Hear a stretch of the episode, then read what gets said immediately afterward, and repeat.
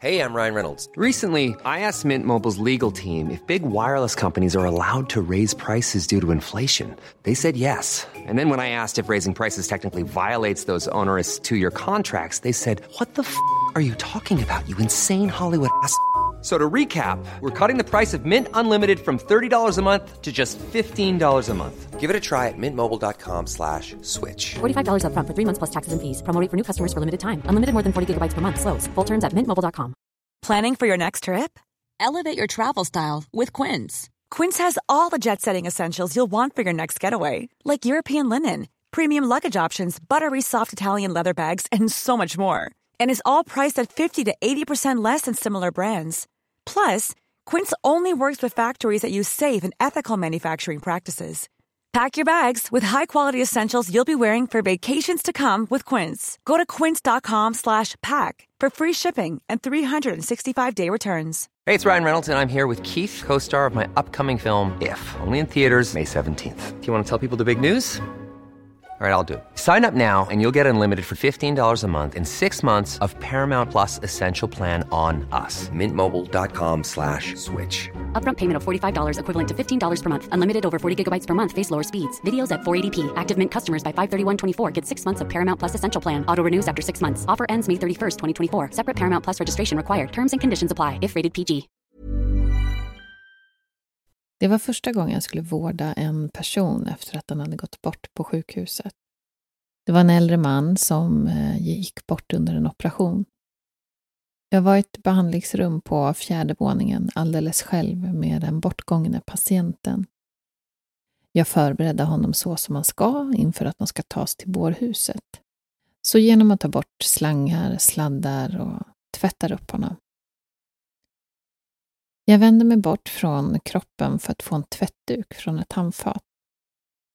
När jag plötsligt känner en hand vidröra min rygg. Jag hoppar upp och rycker till alldeles skrämd och förskräckt och är alldeles för rädd för att vända mig om för att se den här mannen återupplivad.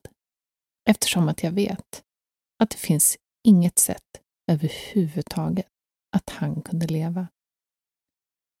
Jag sprang ut ur rummet så snabbt som jag någonsin har och jag vände inte tillbaka.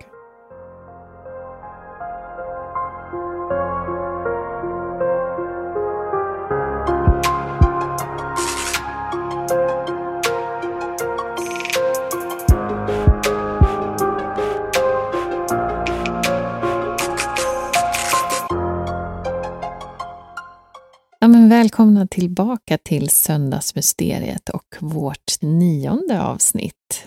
Välkomna, välkomna. Jag heter Ida. Och jag heter Mia. Och nu sitter vi här igen. Ja, nu sitter vi här igen Mm. med de här spökhistorierna Och våndas. Som- som gör att vi inte kan sova om nätterna.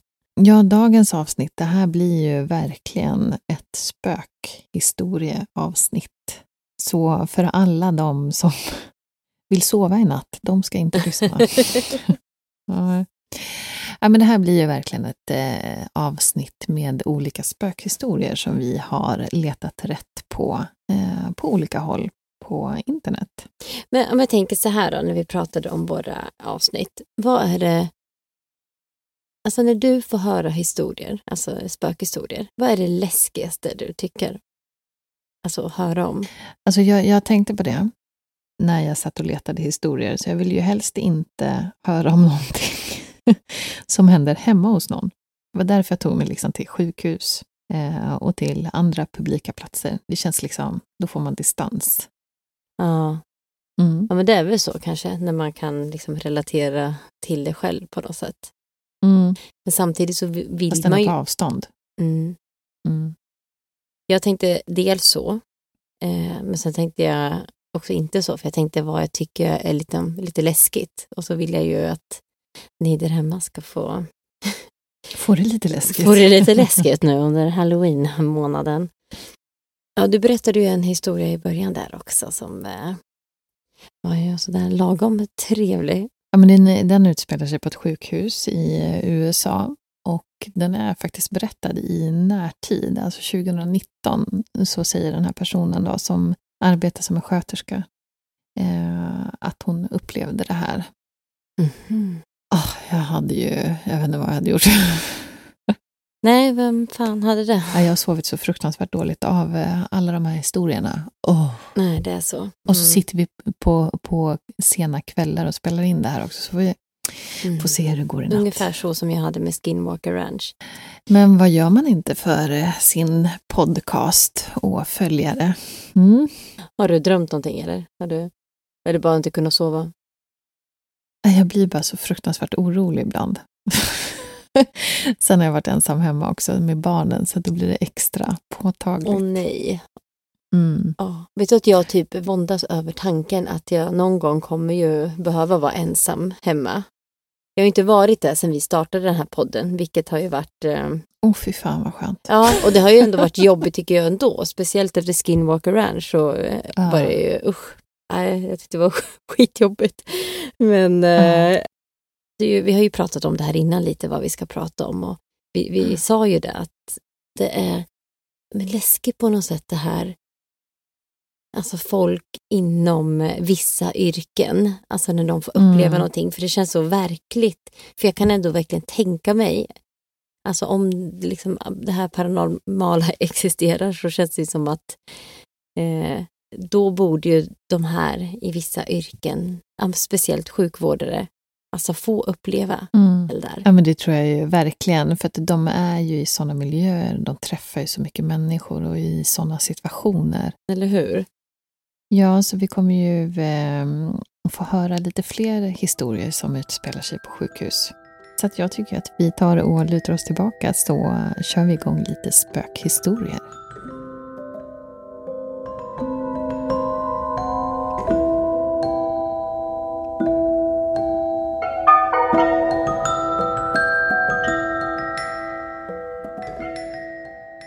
Efter flera månader jobbsökande så såg jag en annons på det lokala fängelset. Det var en sjukhusavdelning som sökte en sköterska och en aning desperat vid det här läget så skickade jag faktiskt in en ansökan. Och jag blev ju såklart kontaktad och de ville att jag skulle börja. Jag blev ju jätteglad. Jag hade ju varit utan jobb alldeles för länge och det började bli riktigt knapert. När jag var ny på avdelningen så hade vi morgonrast. Jag satt vid sköterskestationen och gjorde klart en del journaler när de andra hade sin rast. Jag satte mig ner på stolen och ögonen gick mellan journalerna och datorn samtidigt som jag fyllde i lite patientinformation. Plötsligt känner jag hur stolen blir dragen i. Men det var så lätt så att jag ryckte på axlarna och att jag kanske råkade komma åt med en fot eller trycka ifrån lite med benen när jag satte mig till rätta. Hur som helst så fortsatte jag skriva i journalerna och några minuter senare så är det någon som drar i stolen igen. Den här gången så åker jag en ordentlig bit bakåt. Jag vänder mig snabbt om för att se vilken av sköterskorna som försöker skoja med mig tänka att jag är ju ny, de vill säkert skoja. Men det är såklart ingen där. Nu börjar det krypa i skinnet på mig. Hjärtat bankar fortare och obehaget står mig upp i halsen. Jag sätter mig till rätta igen för att fortsätta, men jag kan inte släppa den här obehagskänslan. Senare under dagen så går jag igenom en del tomma rum för att se till att allting finns för kommande patienter. Och det handlar alltid om inventering. Så jag stod böjd för att räkna en del innehåll i en byrålåda där vi hade lite läkemedel till de som skulle komma. Jag stod och inventerade när det plötsligt känns som att det är någon som har kommit in i rummet och satt sig ner på sängen. Det lät som att sängen gnällde till och som att ett av de här långa armstöden på sidorna, det var som att någon hade slagit i det. Jag vänder mig snabbt runt om i rummet men jag hittar ingenting. Hjärtat dunkar snabbare igen. Jag fortsätter inventera i lådan, men jag ställer mig liksom på tvären så att jag kan se resten av rummet. Jag vågar inte släppa det med blicken. Men ingenting mer händer. Så jag stänger igen skåpet och skulle gå ut ur rummet när det var någonting vid sängen som fick mig att haja till. Det var som att den var nersutten.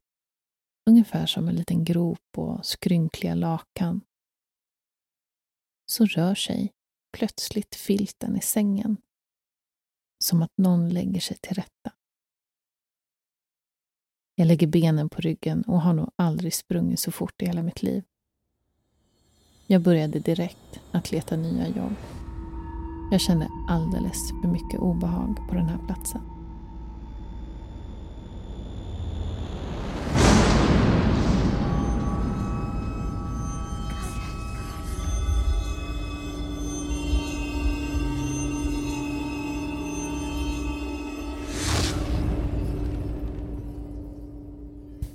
Den här användaren på Reddit har jobbat med sjukhustransporter under ett gäng år. Och transportentrén på det här sjukhuset och där man eh, utgick ifrån basen så att säga, låg i källaren på sjukhuset. Där all tvätt gjordes och alla leveranser togs emot och sorterades. Och efter den här nattens händelser så avskydde den här personen att komma tillbaka till sin arbetsplats.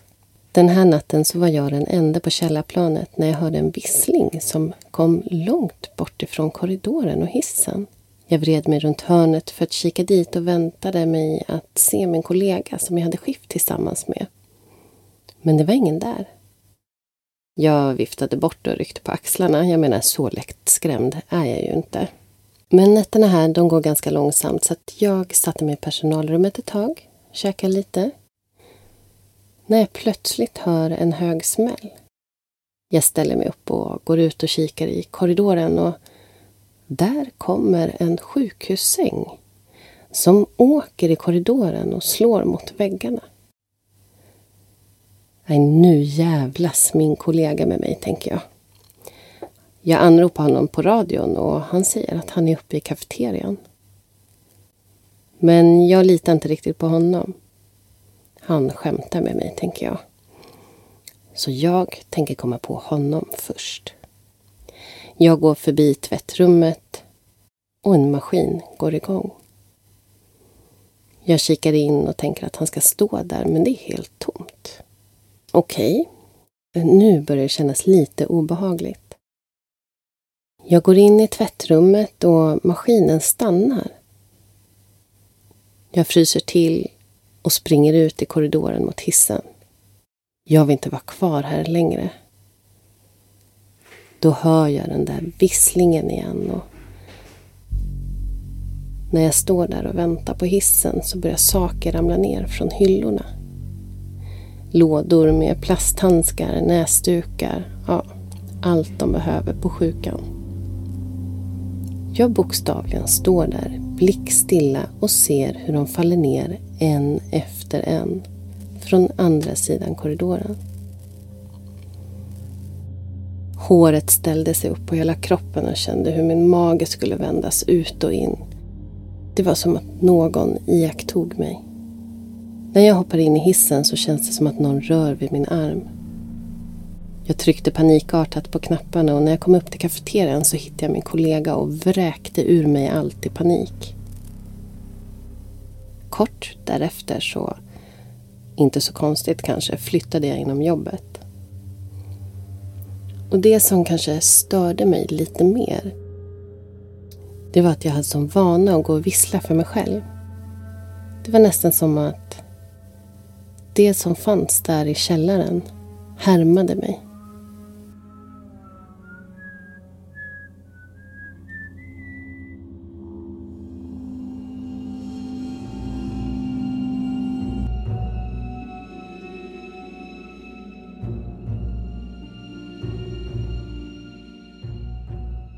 Även jag har hittat lite spökhistorier. Jag tänkte ju inrikta mig lite på personer som jobbar inom eh, polisyrket. Och jag kom över en tråd på Reddit-forumet Ask Reddit det var någon som ställde en fråga att poliser och andra personer inom rättsväsendet, vilka fall har du arbetat med som fick dig att tro, även om det bara var för ett ögonblick, att något övernaturligt eller paranormalt pågick?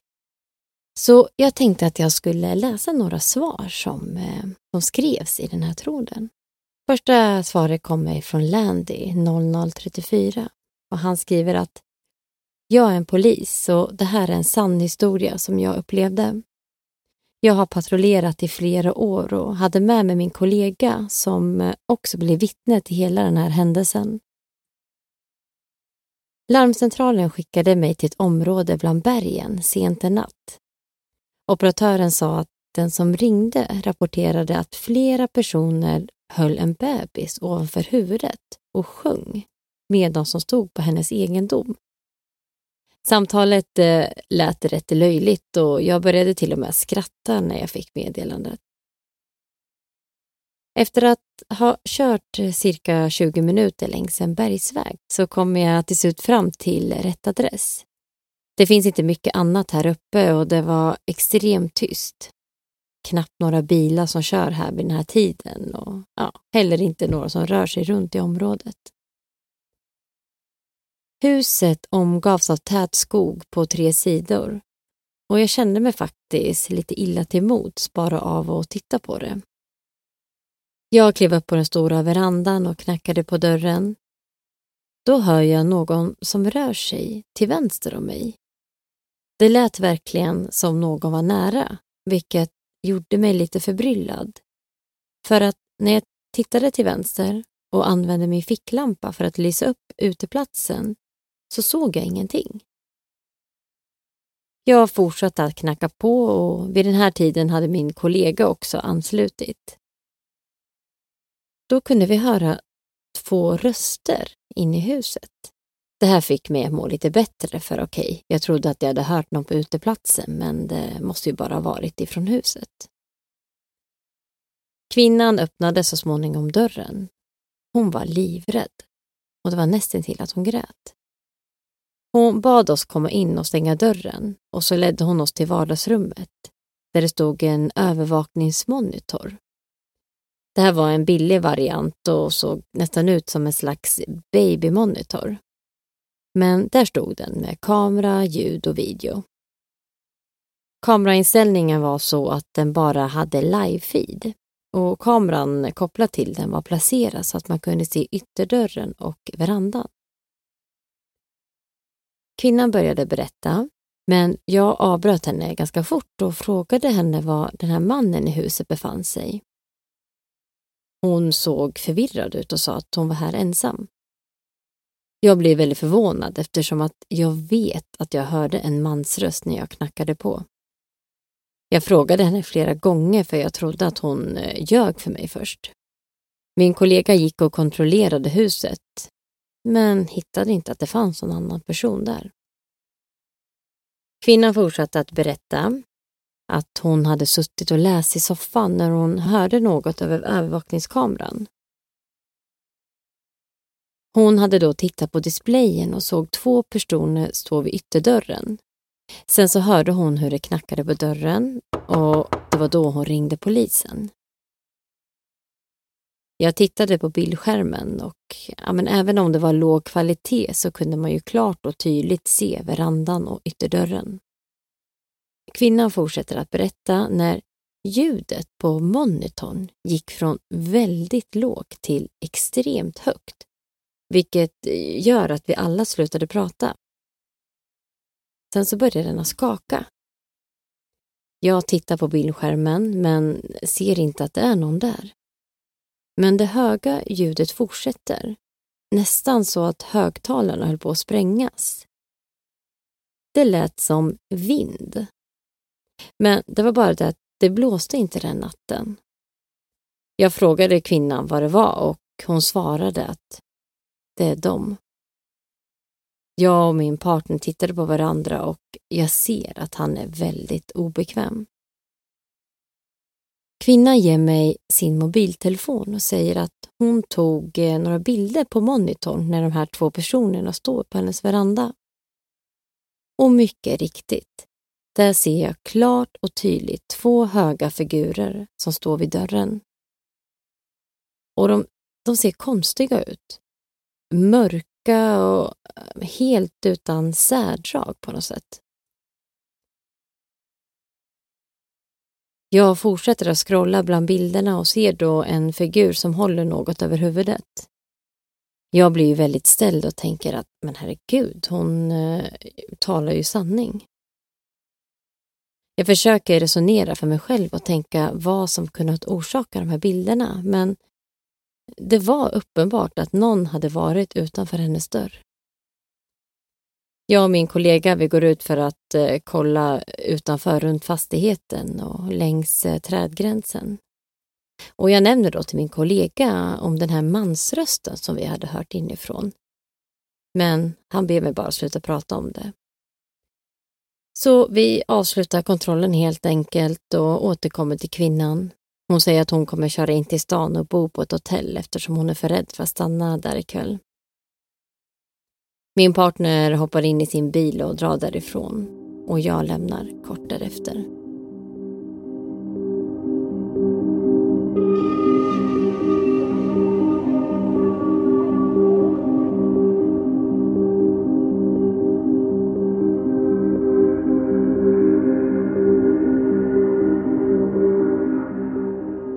Jag arbetade som polis i en liten stad på landsbygden i Nebraska. Och en vinter på 90-talet så patrullerade jag genom stan. Här finns det flera övergivna hus, men det var ett som verkade locka till sig koppartjuvar. Så vi blev tillsagda att hålla ett eh, lite extra öga på det. Den här dagen så körde jag förbi huset runt sju på kvällen och eftersom det låg på en hörntomt så kunde jag få en klar sikt av alla fyra sidor på huset när jag körde runt. Och ingenting såg konstigt ut. En liten stund senare, när jag kör förbi igen, så ser jag att bakdörren står vidöppen. Jag vet att bakdörren inte var öppen när jag körde förbi den tidigare. Så jag går dit, men eh, kunde heller inte se några spår i snön på marken runt huset. Så jag tänker lite för mig själv att okej, okay, vad fan är det här? Och jag ringer in och berättar att eh, jag kommer undersöka en öppen dörr på den här adressen. Jag går fram till dörren, drar fram ficklampan och lyser i öppningen. Huset hade uppenbarligen rensat på det mesta. Gipsväggarna hade rivits, det låg skräphögar överallt. Och eftersom att det inte fanns några fotavtryck i snön runt dörren, ja, förutom mina då, och med tanke på allt damm som låg på golvet som heller inte visade några fotspår, så drog jag slutsatsen att det måste ha varit vinden som hade gjort att dörren öppnade sig. Jag håller precis på att säkra dörren när jag hörde en hög dunk komma uppifrån och vad som lät som barn som skrattade. Jag går in i huset och ropar “Polis, gå ner därifrån!” Och jag fortsätter att höra de här barnen som leker.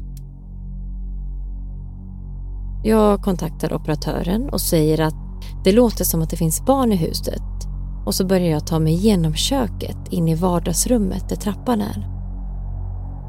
Två gånger till hör jag någon på övervåningen. Men eftersom jag inte får några svar så börjar jag tänka att, att det kanske är ett djur. Ändå hör jag vad jag kunde svära på var ett barn som skrattade. Jag går upp för trappan och allt blir tyst. Övervåningen är relativt liten med en hall överst i trappan, ett sovrum till höger ett drag fram i slutet av hallen och ett sovrum till vänster. När jag kommer till toppen av trappan så hör jag ett dunk i sovrummet till vänster.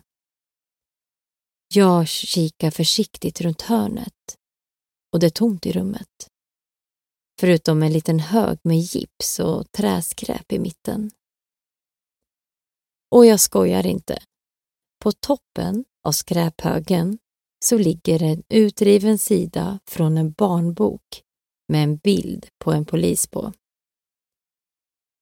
Jag kliver ur rummet, rensar snabbt de andra rummen på övervåningen och försvann därifrån fort som fan. Jag ringde tillbaka till operatören och berättade att ingen var i huset. Jag låste dörren och gick aldrig in där igen.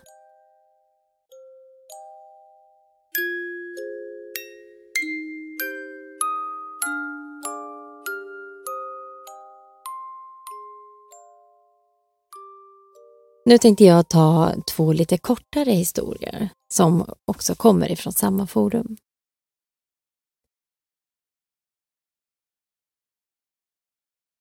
Min morbror jobbade på larmcentralen i min stad och han berättade nyligen om det märkligaste samtalet som han hade fått. En gång fick han ett samtal en natt från en, vad man kunde se var en fast telefoni. Men när han besvarade samtalet så var det bara statiskt ljud i andra änden. Det här hände två gånger till och till slut så kontaktar han en patrull för att kontrollera den här adressen som tillhörde numret han kunde se på nummerpresentatören. När poliserna kom dit och gick in i huset upptäcker de direkt en död kropp. Den här personen konstaterade senare ha varit död i fem månader. Men det mest galna var att det inte fanns någon fungerande elektricitet i huset. Så det skulle alltså varit helt omöjligt för någon att ringa från en fast telefon därifrån. Men om de inte hade gjort det så kan man ju undra hur länge den här personen hade legat kvar där.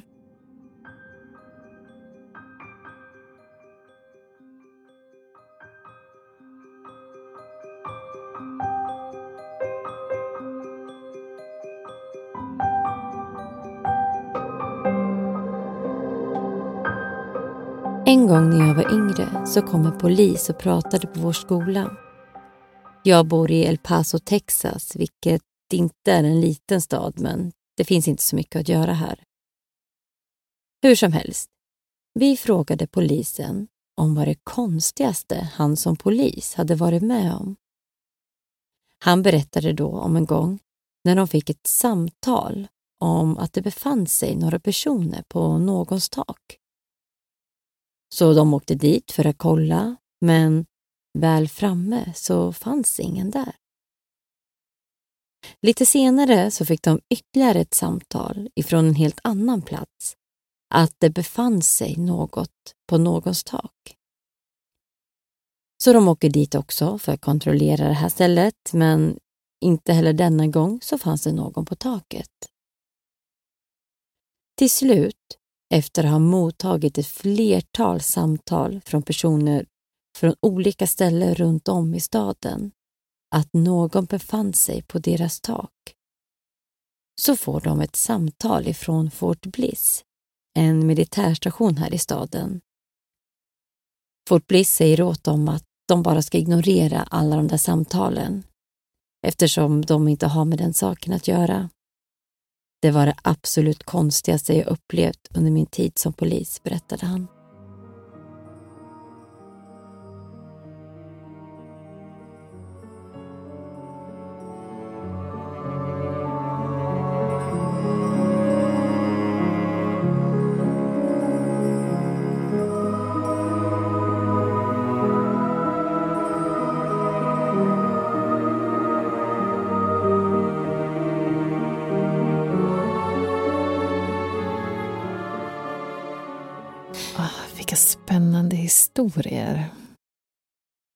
Förstår hon som flyttade in till hotelllistan. Mm. Hon som inte vill bo kvar i huset. Ja, men det kan man ju tänka sig att mm. två, två långa, mörka ja, personer som står utanför mm. en dörr och sjunger med vad som ser ut som ett barn. Eller vad de gjorde. Och jag vet inte, jag tycker det är så jävla obehagligt det här. För det är någonting jag tänker på mycket när jag eh, är ensam är hemma. Att det ska mm. komma, alltså det ska ringa på dörren. Att jag ser mm. någon. Gud. Att det står någon där. jag måste bara berätta. Det var igår när jag nattade med mina barn och jag var själv. Mm. Och så satt jag med sonen för han skulle somna. Och så ring, hör jag hur det klampar upp på trappan. Och så knackar det på dörren. Nej, fy fan, jag höll på att svimma. Nej, usch. jag höll på att svimma. Men då hade jag glömt bort att jag hade ju en liten annons på Facebook Marketplace. Någon skulle komma och köpa något. Åh oh, gud. Ja, för när man inte... Jag svimma alltså. Ja. Ja, fy. Och när man inte är beredd på att få mm. alltså, besök. För det får man ju inte jätteofta. Alltså, Nej, inte så sent på kvällen, klockan åtta liksom. Oh. Nej. Ja, men det var kul. Så att, mm. mm. Ja, speciellt om man har suttit och så pluggat spökhistorier innan också. Så. Mm, alldeles perfekt. Man var lite timing. skrämd innan mm, också. Mm. Sen kände jag också så här, ja, men tänk att vara eh, läkare eller sköterska på sjukhus där det måste vara så himla mycket människor som går bort och är med om tragiska saker. Mm. Jag tänker, det här, gå ett nattskift på en sjukhusavdelning. Alltså, det skulle vara en ja. mardröm. Ja, men, eller hur? Alltså just när det händer så mycket, som du säger, tragiska händelser och bortgångar. Och, eh, det måste ju finnas så mycket osaliga mm. andar. Mm. Alltså dörrar som öppnas och... Fast någonting som jag inte skulle vilja uppleva, det är det här med, med barn. Det tycker mm. jag är mm. jobbigt. Jag tycker det är så himla obehagligt. Alla olika sorters historier med, med, som innehåller barn. som den här polisen som står där på, ja, men i huset och så hör han skrattande. Åh, oh, jag vet! Åh, oh, jag vet! Åh, oh, gud! Och det här är så... Och sen att han hittar då en liten bild på eh, från barnbok med en polis på. Det känns som, vad är oddsen när han kommer dit och hör det här och sen så bara... Nej. Oh, men tänk, tänk dig, alltså det är ju inte vem som helst som vågar gå in i ett sånt hus själv. Nej, det är fan starkt vågat. Ja, det är fan starkt vågat. Undrar om det är liksom... Eh... Tänkte, alltså, som polis är du så illa tvungen, så vi hade ju inte kunnat vara poliser. Nej, nej, nej men det obviously. är ju det. Vi hade var... Obviously, eller, eller sköterskor och läkare hade vi inte heller kunnat vara. Nej. Det är så mycket mer jag inte hade pallat med det yrket. Nej, de, eh, de får nog utstå ganska mycket i de där yrkena. Så att spöken i korridoren är nog deras minsta problem. Mm. Så att vi ska vara ganska tacksamma att det finns folk som jobbar inom där. Ja, men det är vi. Herregud. Ja, men gällande här med, alltså när vi pratar om sjukhus, liksom hur mycket ja, men, tragiska händelser som är där och jag tänker liksom alla de här energierna där som är där och det, man kan ju mm. förstå att det spökar på ett sånt ställe. Mm. Och, eh, och igår satt vi och vi har börjat titta på en dokumentär på, eh, på Netflix om 9-11. Nej, tittar ni också på den? Ja, vi tittar också på alla. och skadan som är av den här podden så börjar jag tänka då liksom direkt att bara, det måste ju spöka alltså där omkring. Tänk dig så många som dog så, mm. alltså, så plötsligt och kanske inte har någon mm. liksom, aning om typ att de ens vad som hände eller vad som dog. Nej, och kanske liksom, ja men garanterat, det måste du göra.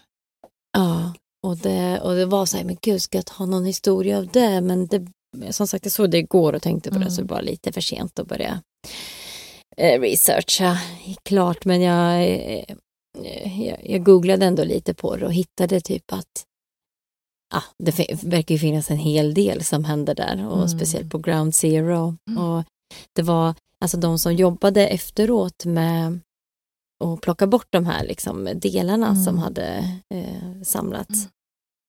Eller allt bråte och, och skräp och alltså, som skulle städa då mm. efter de här eh, tornen då så var det flera som berättade att de hade sett typ en gammal sköterska typ i 50-tals mm. eh, sjuksköterskadräkt som gick med någon så här bricka. Och alltså det var flera verkligen som hade vittnat om det här och hade sett henne. Mm. Och sen hade väl någon tagit dit något medium som hade liksom känt av det här och sagt att hon trodde att det var en, eh, någon så här själ jag kommer inte ihåg vad de kallade det, men sånt som tog hand, när, när det liksom dör Mm. många, sånt som, som Kommer och kommer, och, om det. Mm. om och hjälper dem liksom att förstå. att- Åh, vad spännande. Ja. Och sen visade de lite bilder, man kunde se någon så här, eh, lite skugga och så där, Mm. något ljus eh, Ah, ja, som man ja. hade fångat där. Och, Vad fint på ett sätt. Det blir man ju ändå så Mm. här glad att tänka att det blir så i sådana händelser. Ja, men att det finns någon som möter en på mm. ett bra sätt kan man ju hoppas. Man vet inte vad som händer sen. ja, men någon som är då utbildad för att ta hand om traumatiserade Döda själar. Mm, döda själar. Ja. Men äh, åter till det här med barn, för jag tyckte det var väldigt roligt att du tog upp det, för jag har faktiskt eh, hittat en historia Vad kul. Gällande barn. kul. Mm. Varsågoda. Jag, jag vet att... eh, jag zonar ut nu då. Ja, Ja, jag tänker det. Det känns som många, det var många gillar det här med barn. Det gör vi. Mm.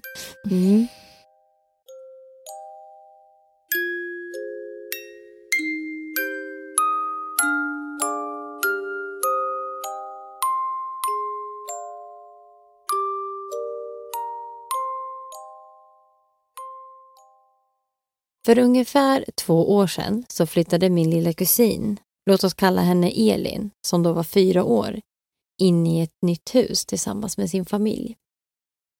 De började renovera huset och till en början var allting bara bra. Men så en dag så började Elin från ingenstans att berätta för hennes mamma att hon kunde se två barn i hennes rum. Och om det här inte är skrämmande nog så berättar hon också att barnen inte hade något ansikte och heller inga armar. Min moster tyckte ju såklart att det här var lite obehagligt men borstade bort det ganska fort och tänker att ah, det är säkert bara en fantasi. Men min lilla kusin fortsatte att prata om de här barnen. Hon började berätta att den ena var en pojke och den andra var en flicka och att hon tyckte de var snälla och att de här barnen ville att hon skulle leka med dem. Men så en dag så började hon istället bli mer och mer skrämd av de här barnen. Hon kunde vakna mitt i natten och skrika för att hon var så rädd för dem.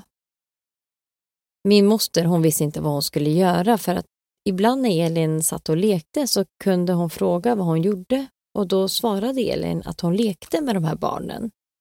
Så jag antar att de bara var elaka ibland. Men det blir mer otäckt.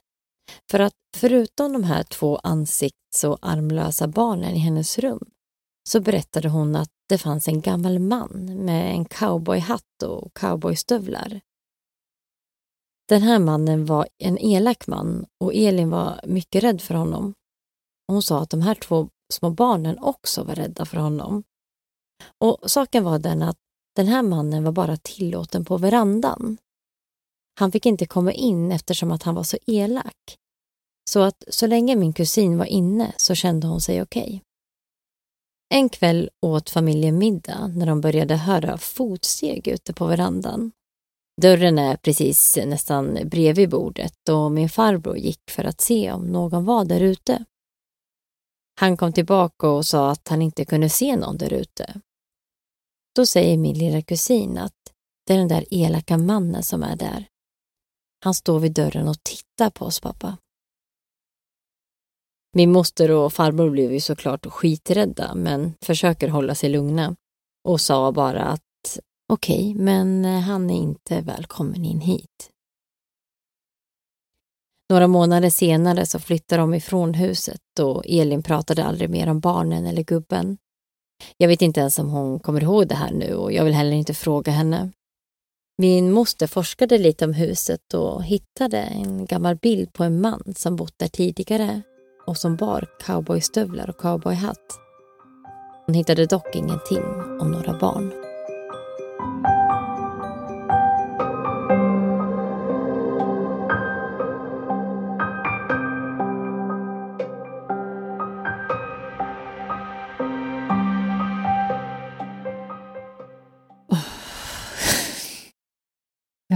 Avskyr sånt där. Ja, jag avskyr barn. Alltså spökbarn. Mm, Ja, och barn som säger att de ser barn och, och Mm. barn. Nej, för det var också där jag tänkte så här, när jag försöker tänka, vad är det läskigaste jag vet? Mm. Och då var det egentligen alltså barn. Mm. Och som du säger, barn som ser saker, för det känns också typ så här så jäkla vanligt uppenbarligen. Det känns som att det är så mycket vanligare än folk vågar säga. För att det är alltid det här, ja men du hittar på, det är fantasi. Ja. Ja. Tills man Mm. faktiskt inser själv kanske att, är det verkligen det? Mm. Eller hur? Mm. Hur går det med din sons låtsaskompis Nej, förresten? sluta. Prata inte om det. det är bara fantasi. Det är bara fantasi. Ja, jag orkar inte ens tänka på det. Men han har det fortfarande. Ja, ibland. ibland. Vad heter den då? Snopo. Snopo. har, du, har du sökt någon fast någon Snopo i, som ja, har bott där tidigare? Jag får göra lite research på, på fastigheten. Får vi se vad vi kommer fram till. Eller Ja, hur? obehagligt, vilket som.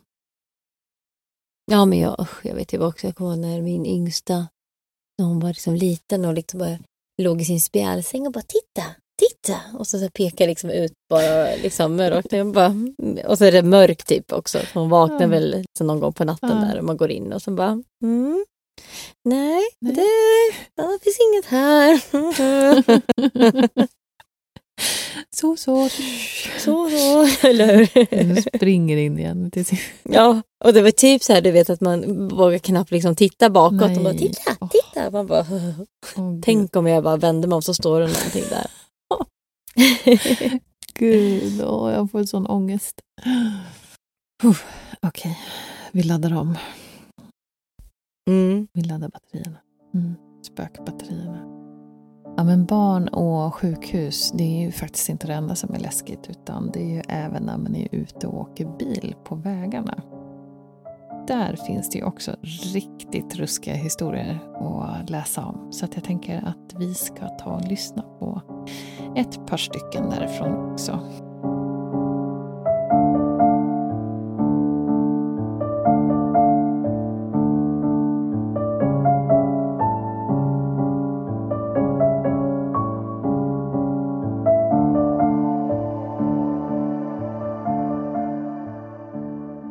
Jag var sent ute med min rumskamrat. Vi hade varit på fest över till en kompis.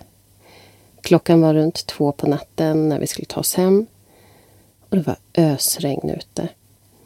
Tänk er mitt på landet. Kolsvart. Inga gatulampor någonstans utan när du kör längs vägen så ser du bara hur de här linjerna på vägen blixtrar till. Vi kommer in i en lång kurva och helt plötsligt ser vi en person ståendes mitt i vägen. Det var bara som en blixt av en bild av någon som stod där. Det var ju så mörkt annars. Det var omöjligt att se förrän det fångades i våra billykters ljus. Det kändes bara som några millimeter från att vi skulle köra på den här personen. Min rumskamrat slängde sig på bromsen men Bilen svingar till och vi snurrar runt i kurvan tills vi stannar. Vad fan var det där? Vi hoppade ut ur bilen för att se vad det var. Förmodligen någon pundare mitt ute i ingenstans. Men vi ser en kvinna som står där. Mitt på vägen. I ösregnet. Hon rörde sig inte en millimeter. Inte ens när vi närmar oss henne. Hon sa ingenting. Vi försökte få kontakt med henne men inget hände. Vi nästan skrek på henne men vi fick ingen kontakt alls. Nu börjar det kännas lite obehagligt. Det är ju någonting som är fel på henne. Vad kan hon ha varit med om? Till slut, på något sätt, så fick vi ändå med henne i vår bil. Vi tänkte att vi på något sätt måste vi försöka hjälpa henne. Vi började köra mot stan och den här kvinnan, hon var inte blåslagen, hon var inte sjuk. En vanlig tjej i shorts och t-shirt, tennisskor, brunt hår, kanske runt 30 år, men hon sa ingenting alls. Jag kan knappt komma ihåg om jag hörde henne andas. I utkanten av stan så rullar vi in vid trafikljus. Plötsligt så säger hon här och öppnade dörren och klev ur bilen. Jag tror att vi fortfarande var lite i chock och rullade på genom trafikljuset och stannade precis efter för att kika tillbaka och se vart hon tog vägen. Men den här kvinnan var helt borta. Hon gick upp i rök. Det fanns liksom ingenstans att ta vägen här. Det var bara fält och skog på sidan om vägen och och skulle hon ha kommit till närmaste hus, ja men då hade hon behövt gå förbi våran bil. Hon bara försvann. Jag vill inte riktigt spekulera i vad vi plockade upp i bilen den kvällen, men jag tror ju inte riktigt på att det var en vanlig människa.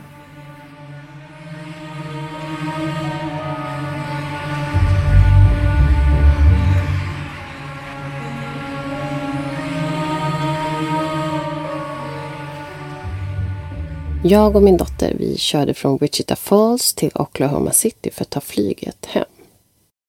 Klockan var runt fyra på morgonen och jag kom ihåg det för att jag, jag är alltid nervös för att vi skulle missa flyg. Motorvägen var alldeles tom. Vi var nästan ut genom Lawton City när vi ser en bil av äldre modell möta oss. Ljusblå eller silver. Den kör alldeles för fort, tänker jag och ser hur den hur den ränner över mittskenan på vägen. Den rullar flera varv och åker ut för vägbanken. Mitt i allt det här så ser jag till och med hur en människa slängs ut ur bilen. Vi har ju hunnit köra förbi en bit men stannar bilen i chock och ringer polisen. Vi gav dem GPS-koordinater och frågade om vi skulle åka tillbaka men det var en polis på väg och var väldigt nära så vi behövde inte göra det. 20 minuter senare får jag ett samtal av polisen som frågar var den här olyckan hade hänt. Jag upprepade min information med koordinaterna men polisen han insisterade på att han var precis på den platsen men det fanns ingenting där. Inte ett endaste bromsspår. Inget glassplitter ingenting. När jag kom hem så började jag googla direkt för jag blev ju riktigt fundersam. Vad var det vi hade sett? Jag kunde då hitta att exakt tio år tidigare hade en grupp tonåringar åkt på den här vägen. De hade kört lite för fort, tappat kontrollen och kört över styrskenan i mitten. Alla sex tonåringar dog. Och tiden för olyckan, den var klockan fyra på morgonen.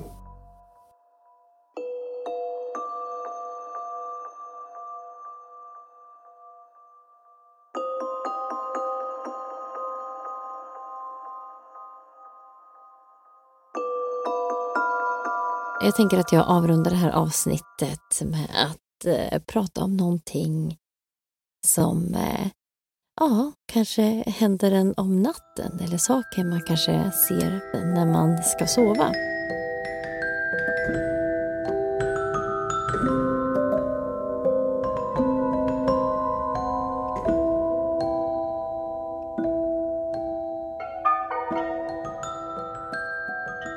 Jag är inte alls en religiös person. Jag är en av de som måste se något för att tro det. När andra berättar historier om märkliga saker som har hänt dem så försöker jag alltid komma med en logisk förklaring till vad de har upplevt. Med det sagt så var jag med om en upplevelse när jag var yngre som skrämde mig så mycket att jag än idag undviker att prata om det för andra.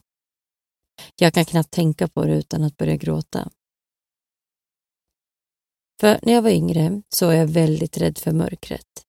Jag gillade inte skräckfilmer, spökhistorier, inget sånt.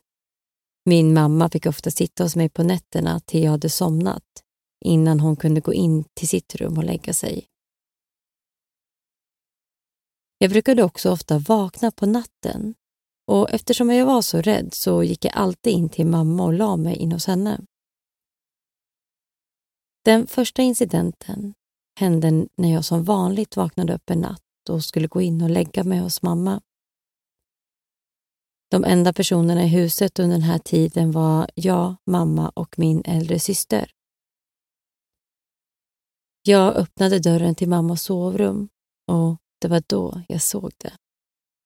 En extremt blek, skallig figur satt mitt på sängen. Jag blev förlamad av rädsla och bara tittade på figuren i några sekunder och försökte förstå vad jag tittade på. Mannen, eller figuren, lyfte sitt huvud och tittade på mig när jag stod i dörröppningen. Hans ansikte var helt slätt. Inga ögon, ingen mun, ingenting. Bara ett pulvervitt ansikte. I samma ögonblick som jag såg honom titta upp på mig så föll jag omedelbart ner på golvet och började skrika och gråta och ropa på mamma för att hon skulle vakna. Min mamma hoppade upp med ett ryck eh, upp ur sängen och sprang snabbt och försökte lugna ner mig.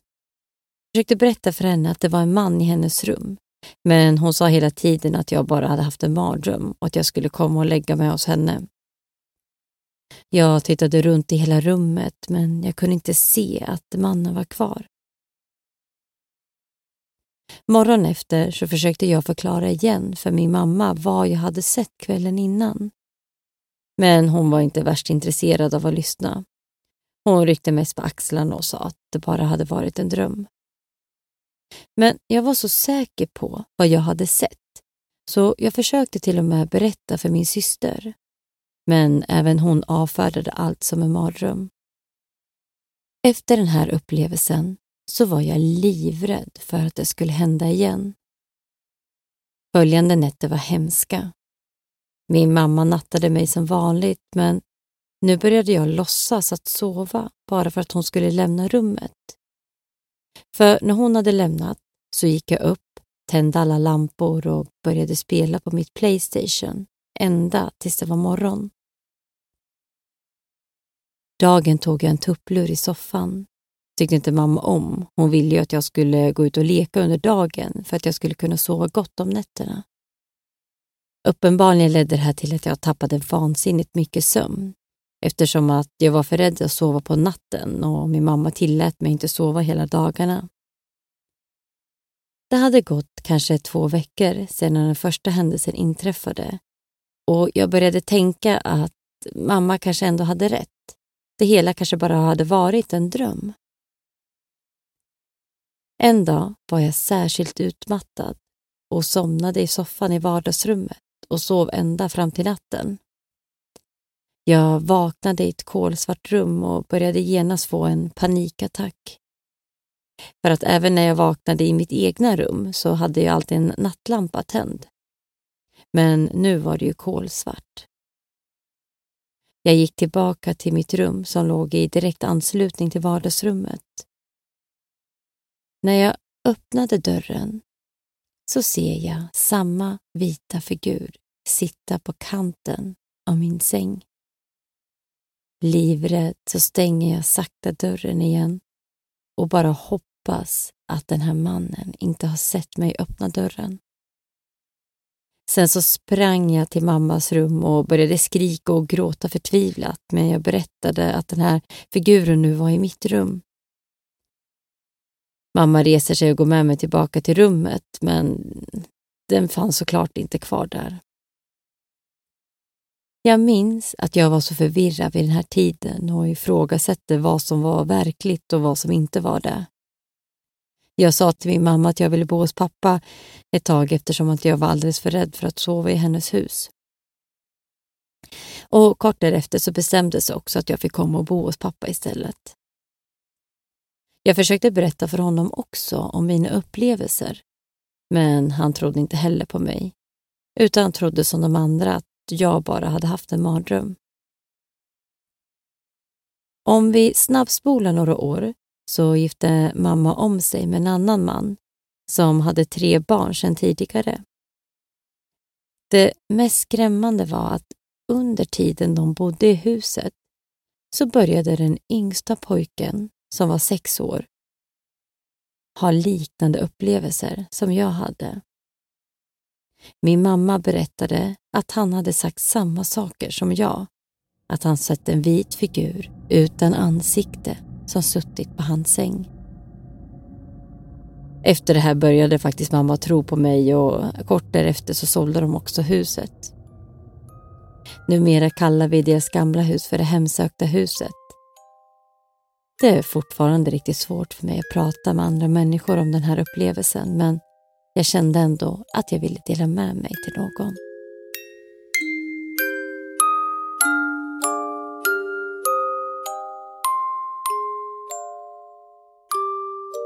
Så nu får ni passa er så att inte ni vaknar upp och ser en eh, vit ansiktslös man sitta i er säng.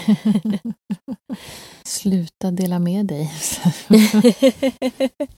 ja, för det här är också någonting som är läskigt. Vi kan ju konstatera att typ allt, vi tycker typ ja, allt är är läskigt. Det är lite jobbigt att köra en sån här spökmånad. Det tar ju på nerverna, får man säga.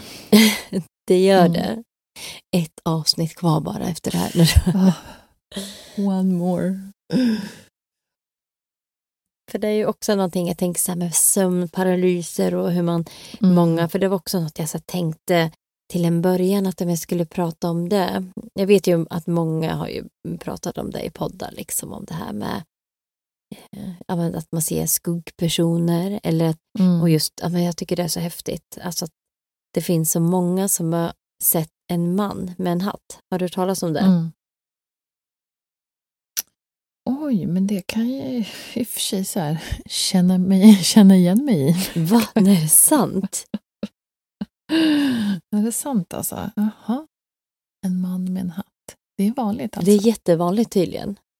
En eh, mörk man med en hatt som eh, man kan vakna upp och så står han typ i ett hörn och mm. tittar på en och man mm. kan typ inte röra sig. Att det här är verkligen välkänt. Alltså, söker på det här så finns det hur mycket berättelser som helst om mm. Man, person som har sett den här hattmannen. Då.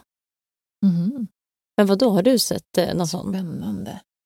Nej, men kan, eh, jag vet att vi äh, brukar prata om det på där, vi, där jag växte upp. Äh, så har man ofta då sett liksom en, äh, jag vet inte om jag skulle säga, ja, men en mörk skepnad liksom ta sig ut från liksom längs fasaden vid, upp mot eh, trappen till huset på något sätt. Och det är inte bara jag, utan det är fler i familjen som har sett. Men va? Är det sant? Oh, gud vad otäckt, jag orkar inte. ja, det är bara... Men det kan ju vara de här business. skuggvarelser. För det är också någonting ja. som är jättevanligt att folk ser. Ja, ja, ja. Alltså, det kan vara något sånt då. Speciellt på nätterna då man vaknar, man ser en mm. skuggperson. Eller en skugg... Mm. Mm. Shadow people. Jag vet mm. Ja. ja, men ni Kul. har ju lite spökhistorier från ert äh, gamla mm. hus. Men vi kanske ska spara dem till något... Äh, Eller hur, vi sparar det till en annan, till en annan spökmånad. ja, exakt. Det kommer fler. Mm. Ja, men det hade ju som vanligt spännande att få höra också om det är någon som lyssnar som skulle vilja dela med sig av någon eh, historia som de har varit med om. Något liknande. Mm. I jobbet, hemma eller, eller sådär. Om ni har era egna upplevelser som ni vill berätta vidare. Mm, ja, men hör av er till oss. Alltså, vi hoppas ju att någon gång få ha ett lyssnaravsnitt med lyssnarberättelser. Alla ah, har väl typ det, men eh, fan det hade varit riktigt jävla roligt alltså. Spar dem till oss för helvete. ja. Inga andra poddar Nej. nu, bara Söndagsmysteriet. Ja men exakt. Mm. Fan, ge oss en i alla fall. Hitta på mm. en. Faktiskt. Vi tar vad, Vi som, tar helst. som helst. Så länge det blir lyssnaravsnitt. Eller hur? Det hade ju varit skitroligt. Okej, okay, jag vet hur jag kommer sova i natt eh, och förmodligen alla ni andra eh, med mig. Det var riktigt rysliga historier i det här avsnittet. ja, men mm. ge som sagt gärna eh, lite kommentarer på vad eh, alltså, ni tycker sådana här avsnitt är roliga att höra med just spökhistorier och om ni tycker sånt här är roligt att höra vad för typ av eh, spökhistorier skulle ni vilja höra mer, mer om? Vad tycker ni är läskigt att höra om? Det känns som vi eh, blandade och gav lite den här gången för att tyckte det var så himla... Just också för att kunna borra in oss på vad, vad är det folk uppskattar. Mm. Jag hade ju en historia, och det här var ju, är det som jag hade tänkt att berätta om, är ju de här Black Eye Children. Nej tack, ja, men tyst nu. jag, jag orkar inget mer. det, är typ, det, det är nog, alltså överst på min lista Mm. med äckliga, eller usch.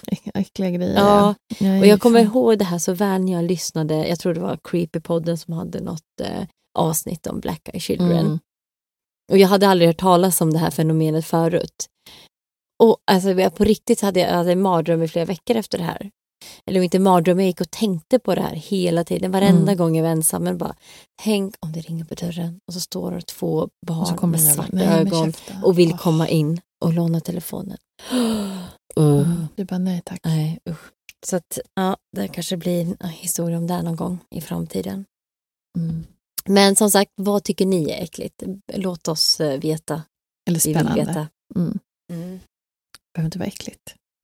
Spännande, går bra. Rysligt. Rysligt. Så ni får kalla kårar. Så, Obehagskänsla. ryggraden. Mm. Uff, okej. Men vi Mm. eh, kommer ju i alla fall om två veckor med Mm. ett halloween-avsnitt. Ladda upp med ja, ett litet halloween-avsnitt där vi har bestämt ämne som vi ska prata om. Mm. Och jag tror vi håller lite på det, eller hur? Ja, men vi gör det. Ja, vi gör det. Jag vi tror att det kanske kommer bli jättebra. spoilar eh, på Instagram lite innan. Så att eh, gå in Mm. och följ oss där om ni inte gör det. Mm. Och ja, Lämna kommentarer, likea, gör, Följ. lämna ratings, följ. Sprid. Låt oss sprida. Låt oss veta att ni finns där och lyssnar på oss så blir vi superglada. Nej, men med det så vill vi bara önska er en fortsatt bra oktober så ses vi igen den 31 på självaste halloween. Det gör vi. Hej då!